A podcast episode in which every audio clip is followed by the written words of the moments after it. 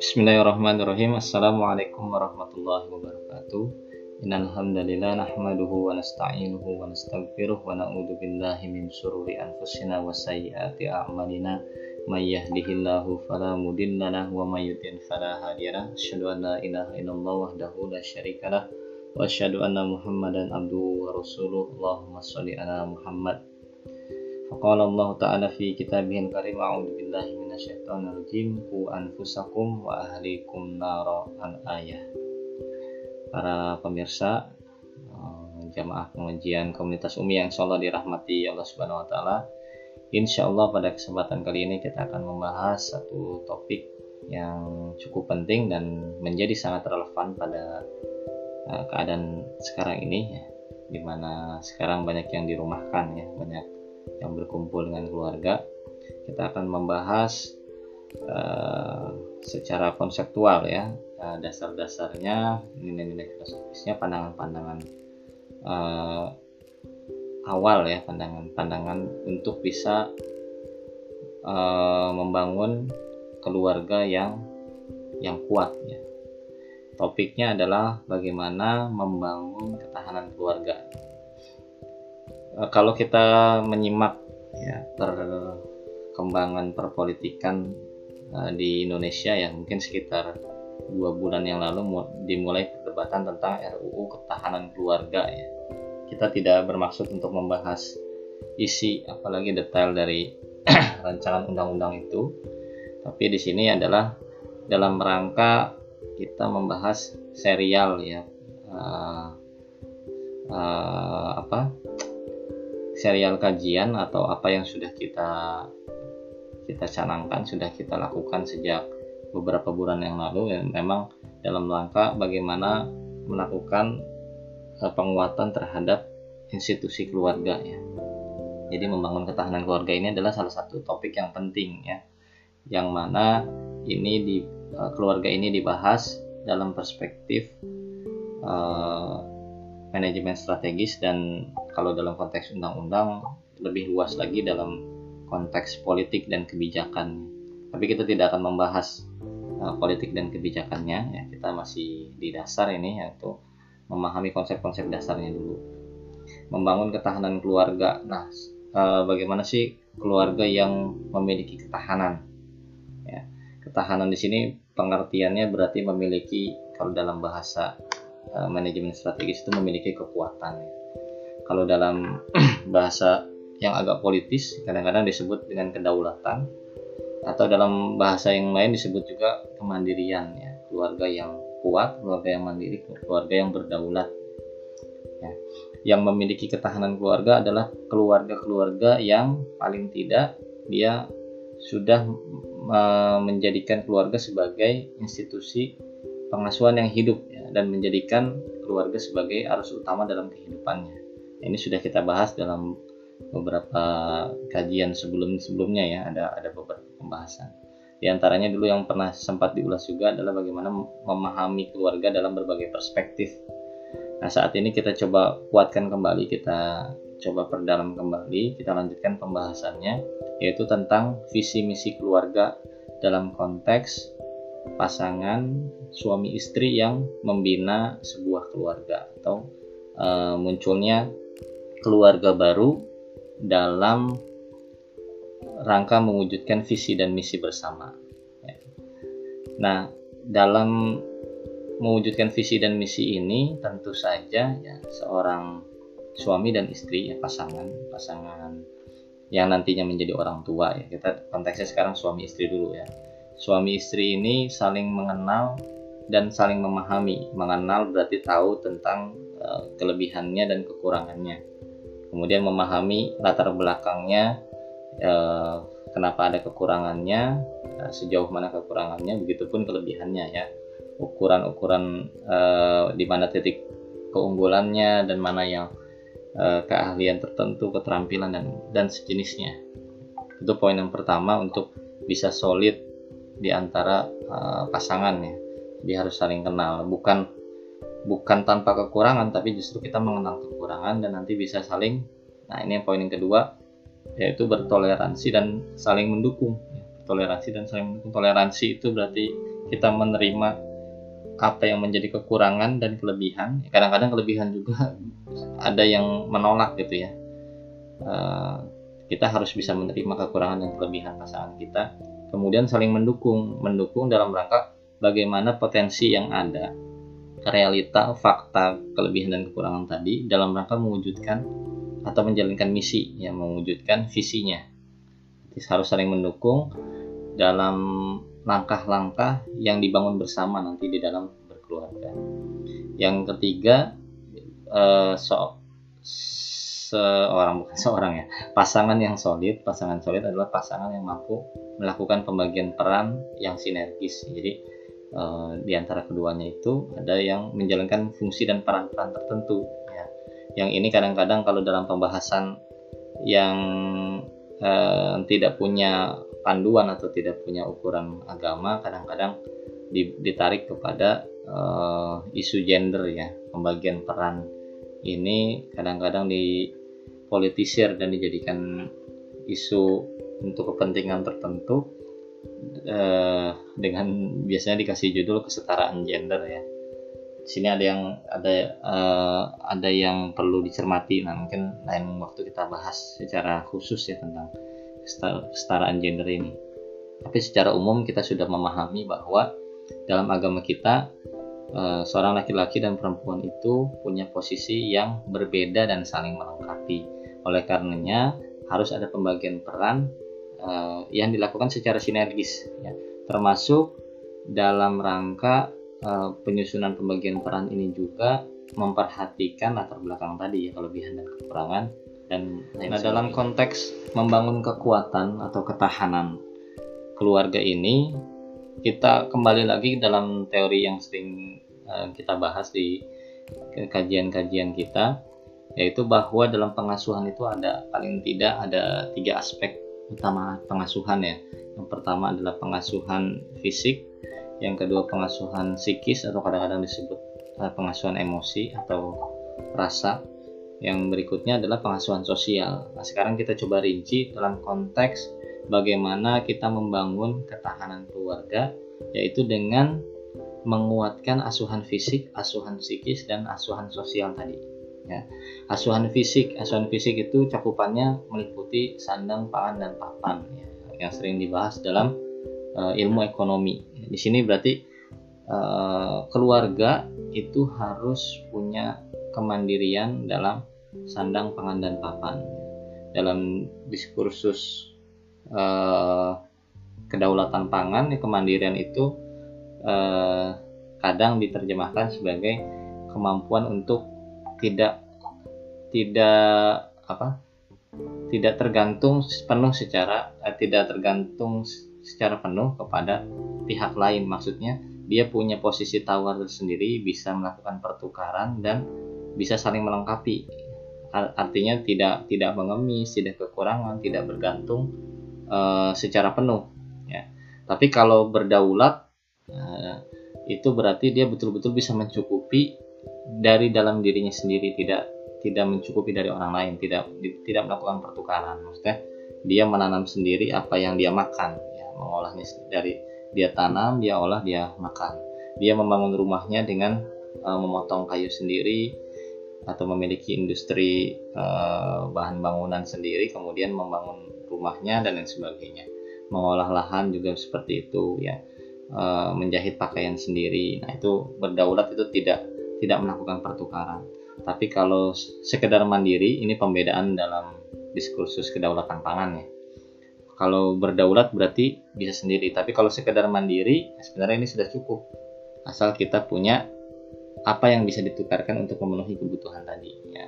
Artinya kita bisa menjamin bahwa ketercukupan sandang pangan dan papan ini dalam keluarga itu bisa dihitung uh, secara secara kasat mata ya, secara matematis bisa dihitung secara ekonomi juga. Jadi uh, bahwa kita tidak kekurangan, kita selalu bisa memenuhi kebutuhan sandang pangan dan papan.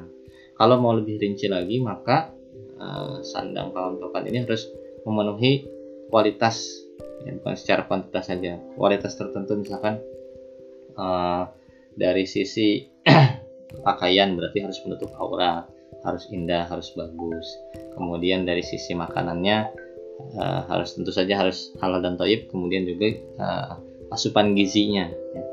dari sisi uh, bangunan rumah ya tentu bangunannya semakin luas semakin bagus banyak ruang-ruang yang bisa di, diadakan kemudian juga kualitas bahan bangunannya desain interiornya dan lain sebagainya nah ini dalam dalam konteks pengasuhan adalah asuhan fisik ya. kalau dia mandiri secara asuhan fisik berarti dia bisa dikatakan memiliki ketahanan keluarga dari aspek atau dalam aspek asuhan fisiknya saja.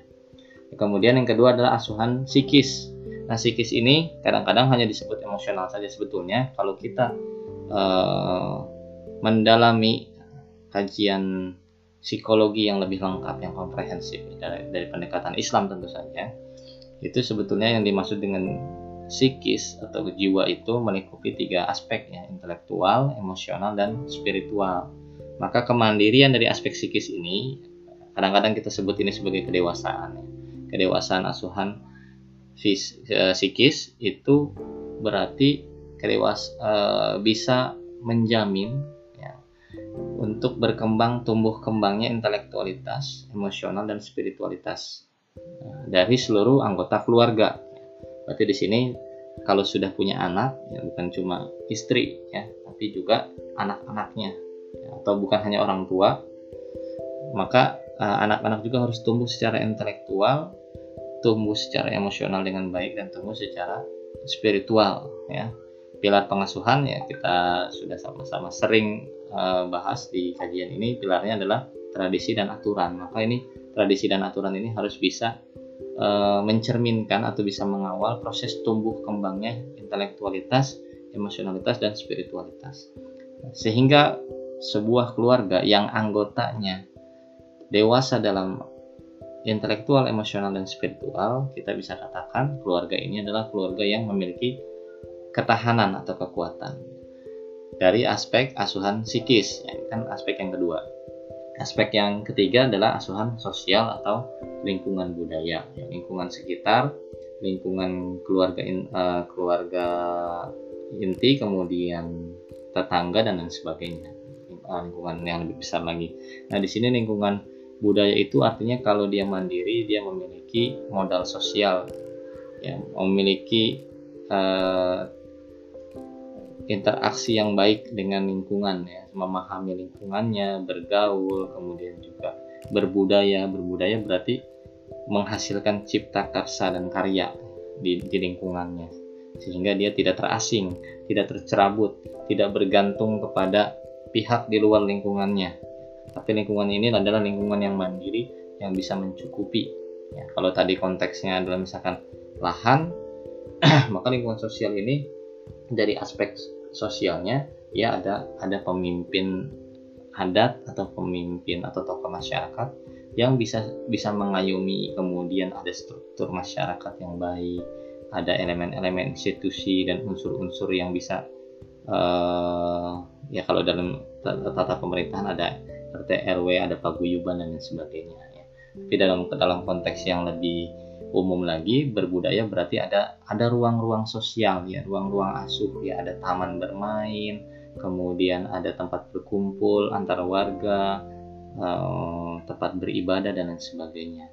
Nah kita bisa mengatakan bahwa keluarga yang memiliki asuhan sosial yang yang baik atau yang memiliki ketahanan keluarga dari dalam aspek asuhan sosial ini berarti anggota keluarganya adalah anggota keluarga yang bergaul dan bersosialisasi dengan baik di lingkungan keluarganya sampai dia bisa dikatakan menghasilkan cipta karya karsa karsa dari e, di lingkungannya nah itu dari aspek sosial ya. sehingga kalau digabungkan secara keseluruhan dari dari asuhan fisik, asuhan psikis dan asuhan sosial ini maka keluarga yang memiliki ketahanan atau kekuatan adalah keluarga yang mandiri dan dewasa dari ketiga aspek tadi ya. Jadi uh, ya keluarga kita harus mulai nih kita kita lihat kita hitung apakah dari aspek-aspek mana saja yang masih lemah dan kita berusaha untuk menguatkannya supaya uh, bisa memiliki ketahanan. Ketahanan ini penting karena de, di masa-masa yang semakin sulit di masa ya kalau sekarang kita ada ada wabah ada pandemi yang tentu saja mempengaruhi banyak aspek kehidupan nah, termasuk juga mungkin di keluarga oleh karenanya kita harus mulai nih mulai menghitung uh, memperhatikan dan mengevaluasi keluarga kita dari uh, aspek-aspek uh, yang tadi sudah disebut sebagai penutup kita uh, pembahasan ini kita juga perlu untuk uh, meninjau apa yang menjadi tantangan. Aduh kadang-kadang menjadi uh, hambatan dan menjadi musuh ya yang melemahkan keluarga. Yang pertama uh, ya paling tidak kita coba bahas ada tiga ya tiga tantangan uh, kontemporer tantangan sekarang itu yang berhadap-hadapan atau melemahkan ketahanan keluarga. Yang pertama adalah desakralisasi keluarga. Nah, di sini adalah pemahaman yang menganggap keluarga itu tidak penting atau keluarga itu bukan arus utama. Keluarga itu hanya sekedar uh, sekedar takdir sosial yang dijalani yang tanpa perencanaan tanpa uh, visi misi kemudian tidak hidup secara uh, pengasuhan sehingga keluarga itu hanya dipandang sebagai takdir sosial yang merupakan peninggalan dari generasi yang sebelumnya ya. tidak adanya lagi peran-peran orang tua peran suami peran istri peran ibu dan lain sebagainya. Nah ini harus dijawab ya. Desakralisasi keluarga ini adalah dampak sebetulnya dari uh, globalisasi ya. Dari globalisasi budaya kemudian uh, apa yang gaya hidup dan pandangan-pandangan yang ada di barat ya. kemudian diimpor ke negeri kita kepada kaum muslimin ke dunia Islam ke dunia timur. Nah, ini mempengaruhi cara pandang dan gaya hidup, ya, sehingga kita berkeluarga itu seolah-olah tidak punya tujuan, ya, seolah-olah hanya untuk melampiaskan syahwat atau memperturutkan perasaan bahwa kita menyukai seseorang, kemudian kita berusaha menjadi pasangan hidupnya, kemudian tidak ada tidak ada tujuan lain, tidak ada program-program, tidak ada evaluasi, tidak ada aspek-aspek organisasi yang dijalankan, sehingga tidak punya pandangan bagaimana generasi selanjutnya harus dirancang, bagaimana anak-anak harus tumbuh dan berkembang, bagaimana anak-anak harus mewariskan apa yang sudah dibangun oleh kita dan kita pun sebetulnya mewarisi apa yang ada pada generasi sebelum kita. Boleh jadi kalau kita tidak kuat sekarang atau kita belum memiliki pandangan yang komprehensif, boleh jadi ini gara-gara eh, sebabnya ya salah satunya kelemahan pewarisan visi misi dari generasi sebelum kita dan ini uh, bukan pembahasan kita untuk menyalahkan uh, mereka karena tantangannya mungkin beda-beda. Sekarang saatnya untuk bagaimana kita menguatkan keluarga, menjadikan keluarga sebagai institusi atau lembaga pengasuhan yang hidup dan menjadikan uh, anak dan keturunan kita itu supaya bisa uh, hidup dalam keadaan normal dan uh, dalam sebuah keluarga yang yang hidup dalam pengasuhannya. Itu yang pertama ya. Yang kedua uh, dari aspek tantangan lingkungan yang tak berbudaya. Yang pertama tadi desakralisasi keluarga, pandangan yang diperdebat. Kemudian ini lingkungan yang tak berbudaya ini adalah dampak dari satu generasi yang lalai, tidak memperhatikan lingkungan sosial, ya, tidak memperhatikan, uh, tidak punya proteksi terhadap budaya luar yang masuk, sehingga kita tidak jelas nih atau atau gagap ya. Nah, yang ketiga sekaligus ini kita bahas tentang perubahan era ya. digitalisasi masuknya berbagai alat elektronik kemudian gadget kemudian alat transportasi dan lain sebagainya sehingga uh, budaya menjadi hilang ya. Kita dulu mungkin uh, tidak tidak lazim ya tidak terbiasa melihat laki-laki dan perempuan berjalan berdua atau di pojok uh, pos atau di pinggir jalan bisa uh, mudah-mudi ngobrol berdua. Kemudian juga mungkin kita merasa riskan kalau ada uh, anak gadis misalkan berboncengan uh, dengan motor atau diantar jemput dengan uh, ojek misalkan. Tapi kemudian berubah. Berubah itu salah satu contoh bahwa kita tidak memiliki budaya yang jelas.